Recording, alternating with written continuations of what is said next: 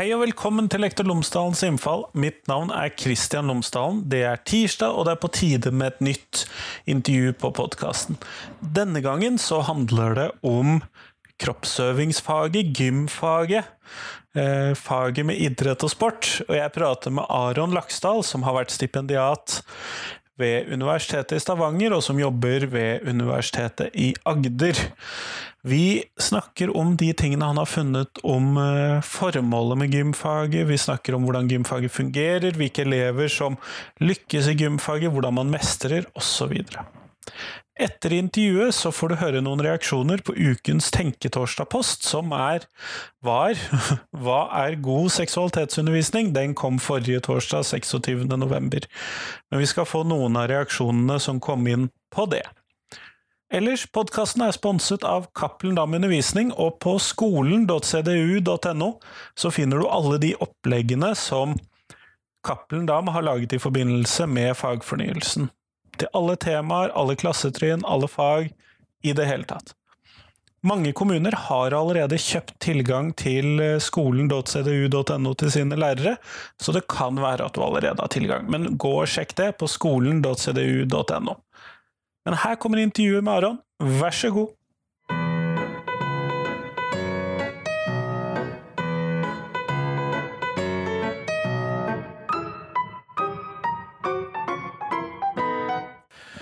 Aron Laksdal, tusen takk for at du har tatt deg tid til meg i dag. Takk for invitasjonen. Før vi starter selve intervjuet, så hadde jeg håpet at du kunne fortelle lytterne mine tre ting om deg selv, sånn at de kan bli litt bedre kjent med deg. Ja, eh, som de fleste hører ganske fort, eh, i hvert fall de som er interessert i dialekt. Eh, de hører at jeg kommer fra Island, eh, men jeg bodde ganske lenge. Flytta hit i 2009 og bodd både i Trondheim, Stavanger og Kristiansand. Eh, har en doktorgrad fra Universitetet i Stavanger i kroppsøving. Eh, noe som er egentlig litt tilfeldig, for min bakgrunn er jo egentlig innenfor for idrett. men jeg fikk denne muligheten og tok den, og så på dette som en en god anledning til å utvide min horisont og, og ha flere bein å stå på. Uh, og så nå jobber jeg på Universitetet i Agder, uh, hvor jeg underviser hovedsakelig på mastergrad i kroppsøving. Kjempeflott. Og Kunne du fortelle litt om dette doktorgradsprosjektet ditt som du nå har levert? Uh, ja. så Det dreide seg om læringsmiljø i kroppsøving på videregående skole. Eh, fikk inn respondenter både fra, fra Island og, og, Norge. Og jeg ville se litt nærmere på hvordan ja, elever på videregående skole opplever læringsmiljøet i kroppsøving. Eh, og om ulike grupper oppfatter da læringsmiljøet på forskjellige måter. Eh, jeg tok egentlig utgangspunkt i, i tre utsagn som er gjennomgående i den diskusjonen rundt faget. Eh, og det er det at det er for lite fokus på læring. Eh, det at jenter havner fort utenfor i faget, eh, og at de idrettsflinke elevene favoriseres. Eh, så Da prøvde jeg å se om dette stemte, og eventuelt hvorfor dette skjer. Og Hva fant du da, for du har jo da tre påstander, hvis du da tar de litt sånn fra den første til den siste? Sånn kort? Ja.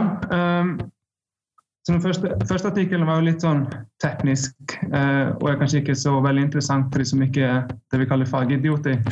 eh, det er eh, validere et spørreskjema som vi lagde selv og skulle bruke de to andre artiklene. Eh, men det vi fant, var at eh, det foregår lite selvregulering i, i kroppsøvingsfaget. Eh, Dvs. Si at elever på videregående skole de reflekterer og planlegger i liten grad det som den, den, læringen som, som skal skje i kroppsøvingsfaget. Det er mye eh, lærerstyring?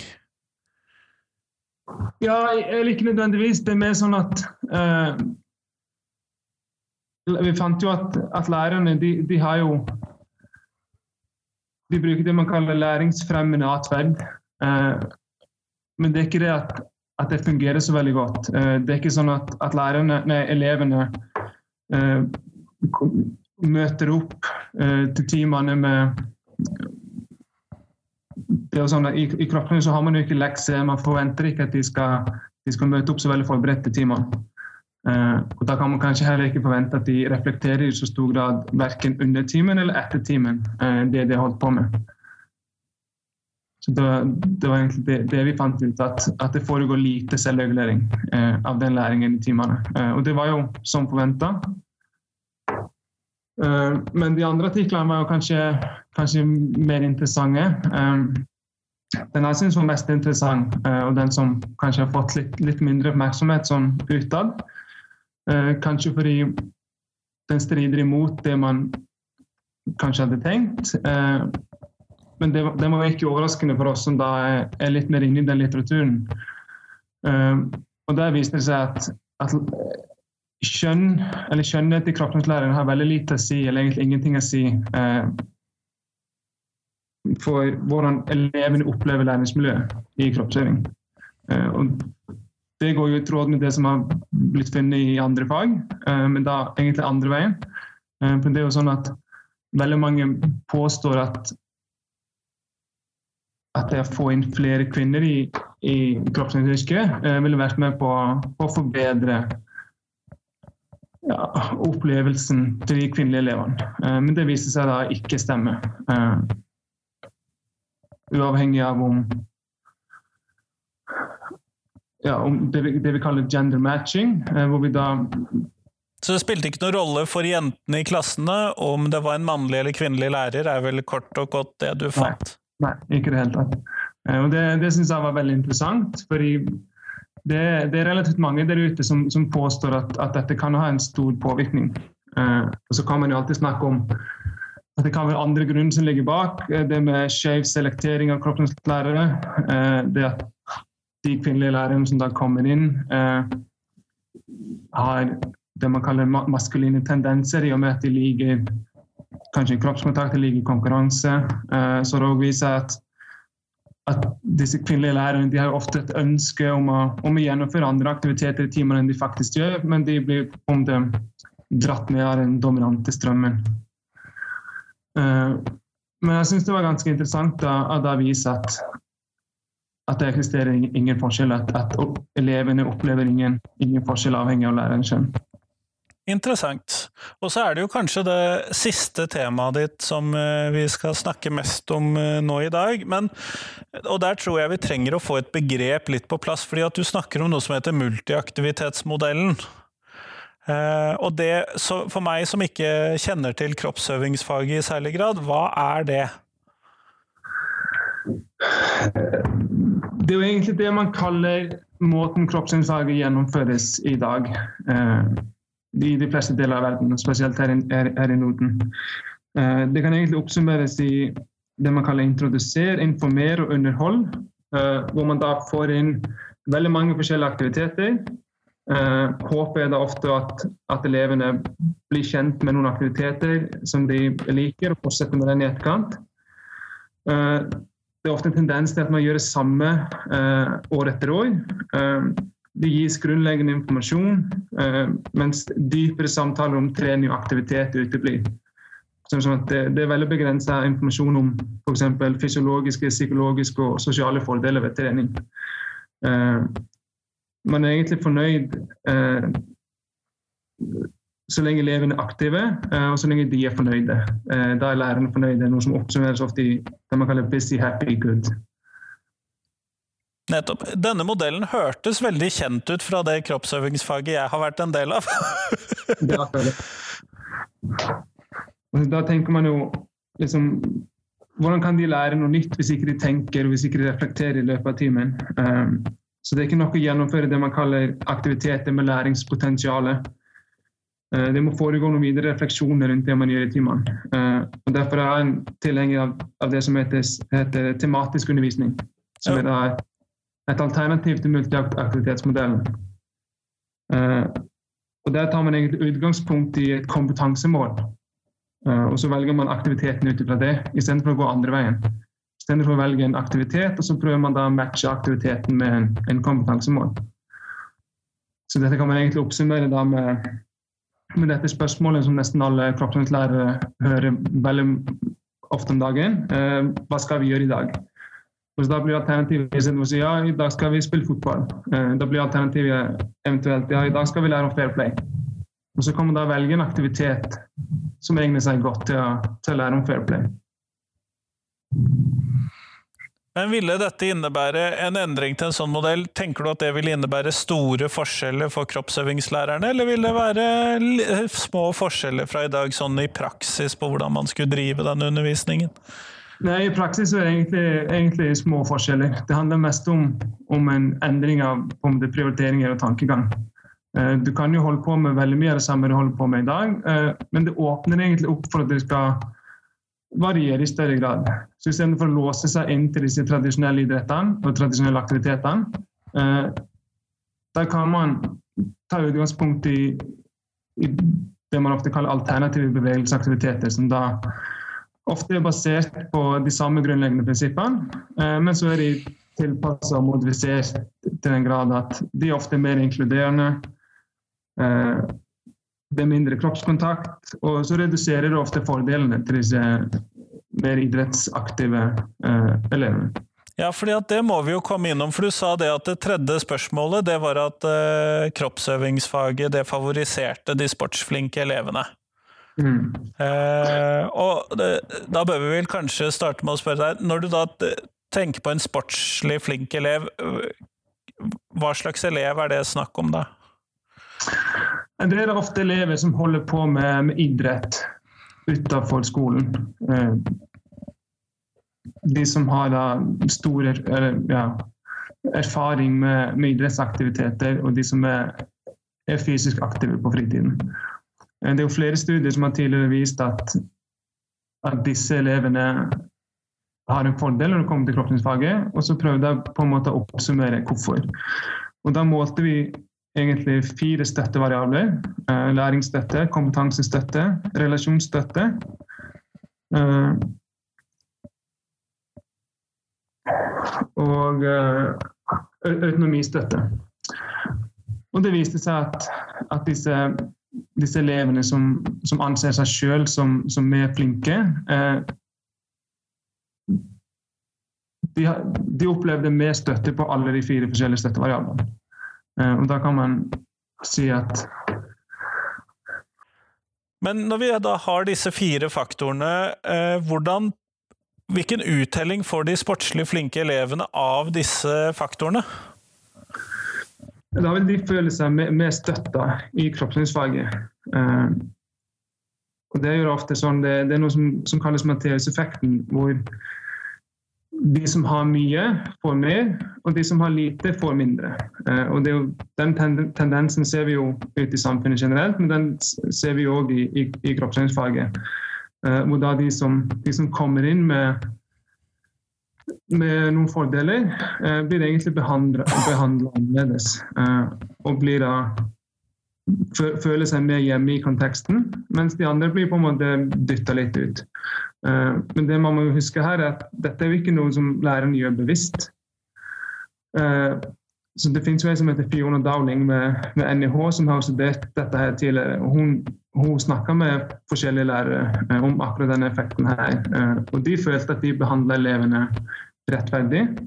Eh, men nå begynner det å bli ganske mange studier som har vist at, at disse elevene forskjellsbehandles. Og da de idrettsflinke eller de som har mer erfaring med, med både idrett og, og fysisk aktivitet, eh, favoriseres. Så har vi jo kjente eksempler fra andre kontekster angående den ubevisste skjevheten. Vi har f.eks. eksempler fra USA hvor de som da blir plassert foran en, en dommer eh, rett før lunsj eller rett før, eh, før dagen blir slutt. og de, de, pleier å få, de har en tendens til å få høyere straff i dommen, de som treffer disse dommene tidligere om dagen. og Dette var ikke de klar over heller.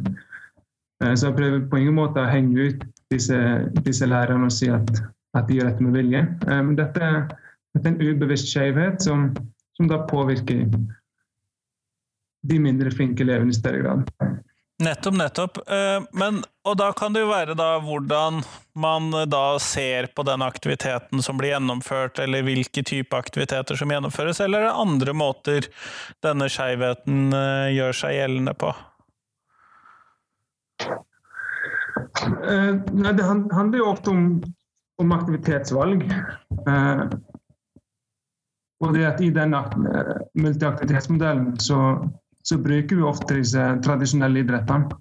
Um, hvor deler av gruppa kommer inn med en forforståelse uh, og kunnskap knytta til de forskjellige idrettene som de andre ikke har.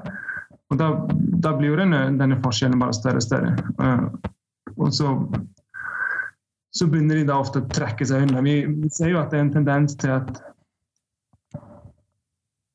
forskjellen økes i løp med, med, med økende alder. Uh, sånn at de som de som da mistrives i faget, de, de, mistrives mer og mer etter, ettersom de blir eldre. Ja, Du har jo undersøkt dette da på videregående nivå, så regner jeg jo med at en del allerede har falt fra sånn sportslig eller organisatorisk eller et eller annet. De fleste har vel sluttet når de blir 16? Akkurat.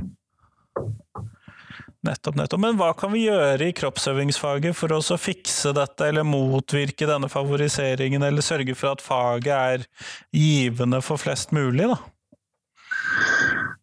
Vi må jo fokusere på ferdighetsutvikling eh, og redusere konkurransefokuset. Eh, og som nevnte jeg tidligere, Vi må redusere fordelene til de idrettsflinke elevene. Eh, det er mange som mener at, at disse ball, ballaktivitetene må ut av kroppsøvingsfaget. Men jeg mener jo at så legger du nedtoner og så legger du nedtoner de tradisjonelle ballspillene Det finnes utrolig mange alternative ballspill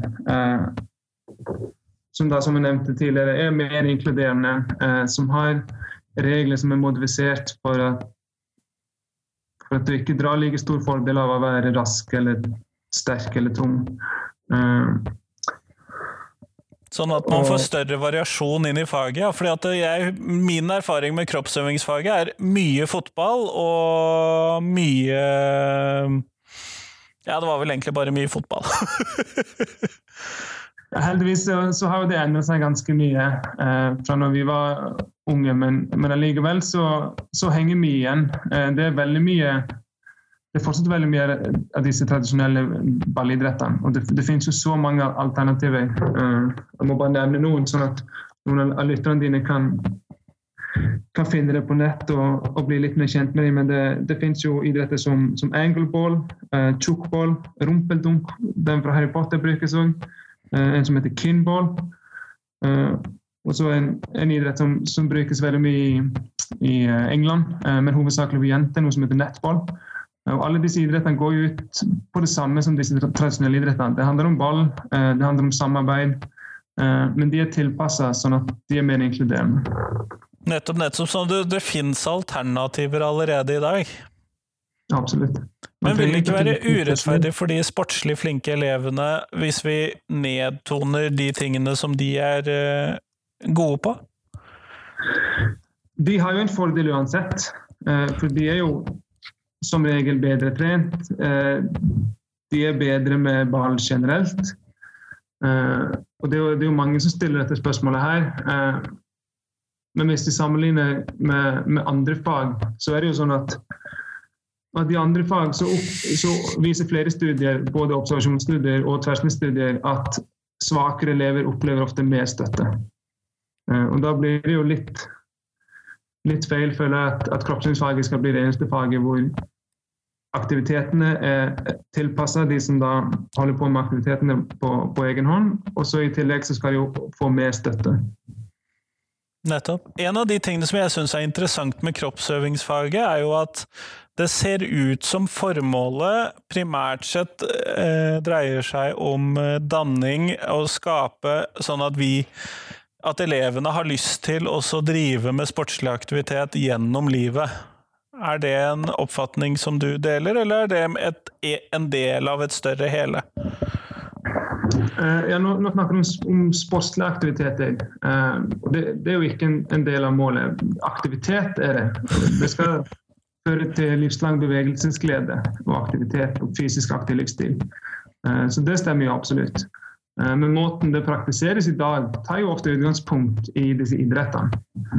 Eh, men det er jo relativt få voksne mennesker som driver med, med idrett. Det er jo det man kaller livsstilsidretter hovedsakelig vi driver med i, eldre alder. Så da, da, burde kanskje de inn i kroppsøvingsfaget i, i, i større grad. Sånn at elevene, de som ikke kjenner seg igjen eller føler seg truffet av disse tradisjonelle idrettene, føler at de, at de ikke idrett, ja, at de ikke er egnet til fysisk aktivitet. Fordi Man føler jo ofte det når man, når man går på disse kroppsøvingstimene og, og man er, er, dårlig til alt og, og ikke, ikke, ikke, føler noen mestring. Eh, da begynner man å knytte det til det at man ikke måte, er, er egnet til, til, fysisk aktivitet. Og man føler jo relativt lite bevegelsesglede. Eh, og da funker jo, faget, funker jo egentlig faget mot sin hensikt. I hvert fall for, for noen elever. Nettopp. Eh, du snakket om livsstilsidretter. Hva mente du med det? Det er jo sånn som eh, surfing, mountainbiking, løping, golf, frisbeegolf. Det er jo sånn det man ofte kaller alternative aktiviteter som ikke handler i like stor grad om konkurranse, hvor man da kanskje konkurrerer mot seg sjøl eller konkurrerer mot naturen. Klatring òg er et godt eksempel. Nettopp sånn at det kunne vært et rikere utvalg av sportslige aktiviteter, eller av bevegelsesaktiviteter inn i faget, da, potensielt sett? Absolutt. Uh, ulempen med mange av disse aktivitetene er at de foregår jo ofte ute i naturen. Uh, så det, det, blir ofte litt vanskeligere som praktisk å gjennomføre mange av dem. Uh, men det handler jo bare om, om, å finne kreative løsninger. Man kan ofte få det til. Og det, det er jo mange som bruker disse aktivitetene. Og så er det vel dyrere for skolene enn bare å kjøpe inn én fotball, og så kan de sende 22 stykker, eller hvor mange de nå sender ut på en bane? Ja, absolutt. Så det, det, er jo det er veldig mange som bruker den forskjellige unnskyldninger knytta til hvor praktisk mulig det er å gjøre disse endringene. Noen eh, er vanskeligere enn andre, eh, men med litt planlegging og, og finne kreative løsninger, så så pleier man å få det til. Nettopp, nettopp, nettopp. Eh, kjempeflott. Da går vi mot slutten av intervjuet, og da lurer jeg på hva er det viktigste skolen lærer elevene? Det stiller jeg spørsmålet stiller jeg til alle jeg intervjuer, og du kan få velge tre ting. Um, det jeg mener er det viktigste man lærer på skolen, er sosiale ferdigheter. Uh, vi er jo sosiale vesener, og skolen er kanskje det viktigste arenaen for sosial læring i det som er kanskje den mest formative perioden i, i livet vårt. Uh, det neste jeg vil nevne, syns jeg òg er veldig viktig. Men dessverre så er det ganske mange som ikke lærer dette i, løpet av sin skolegang. Og, Det er kanskje fordi denne lærdommen er mer implisitt. Og det, læring, det er læring knyttet til sosiale ulikheter og, og inklusjon. men heldigvis er dette trukket fram i, i fagfornyelsen. Så forhåpentligvis så, så blir dette en mer eksplisitt del av, av skolen fra nå av. Um, og så er det noe man lærer i mye større grad nå enn man gjorde når, når vi gikk på skolen. Uh, og det er kritisk tenkning og refleksjon. Uh, Dvs. Si evnen til å stille seg kritisk til det man ser, og spør hvorfor og, og hvordan, istedenfor å bare akseptere det man uh, blir vist eller blir fortalt. Kjempeflott. Tusen takk, Aron, for at du ble med på podkasten. Tusen takk for at jeg fikk være med.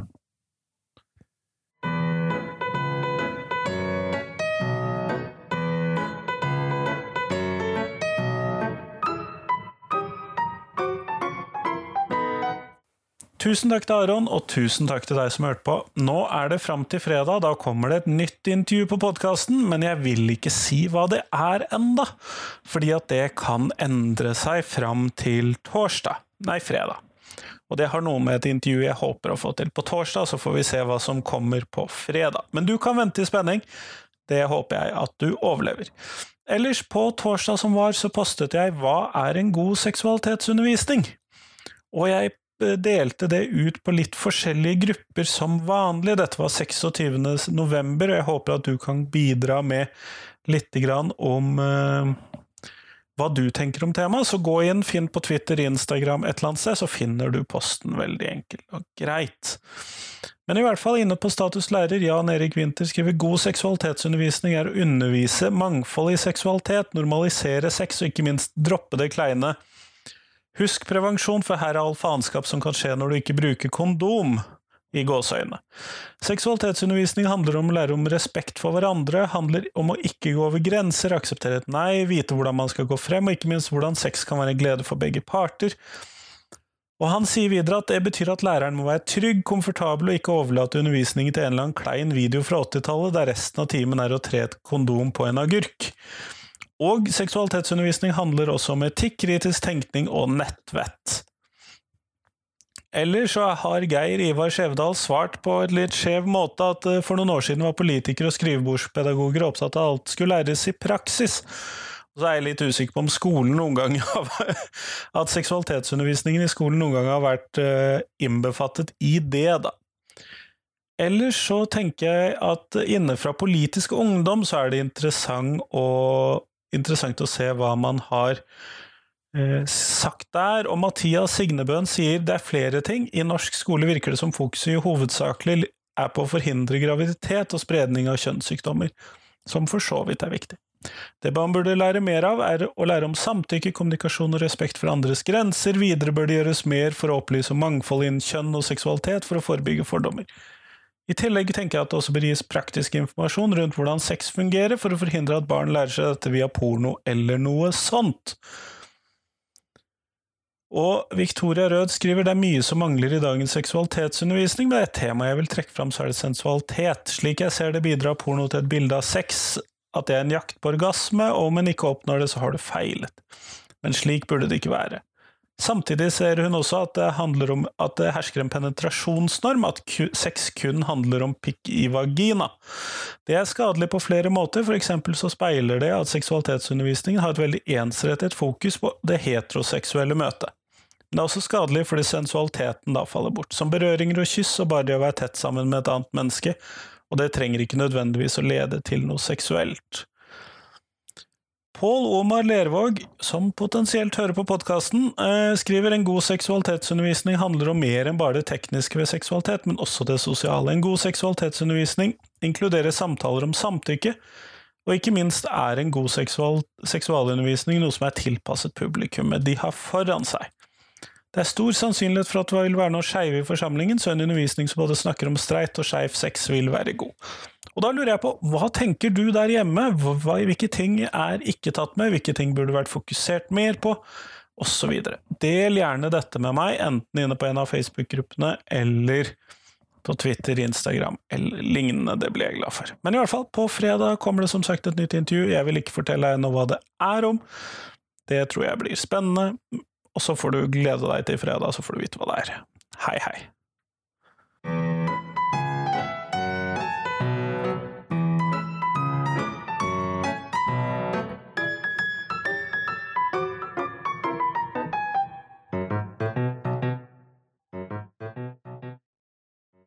Husk at du kan gå inn på Facebook og finne Facebook-gruppen Lektor Lomsdalens innfall hvis du har lyst til å være med og diskutere norsk skole.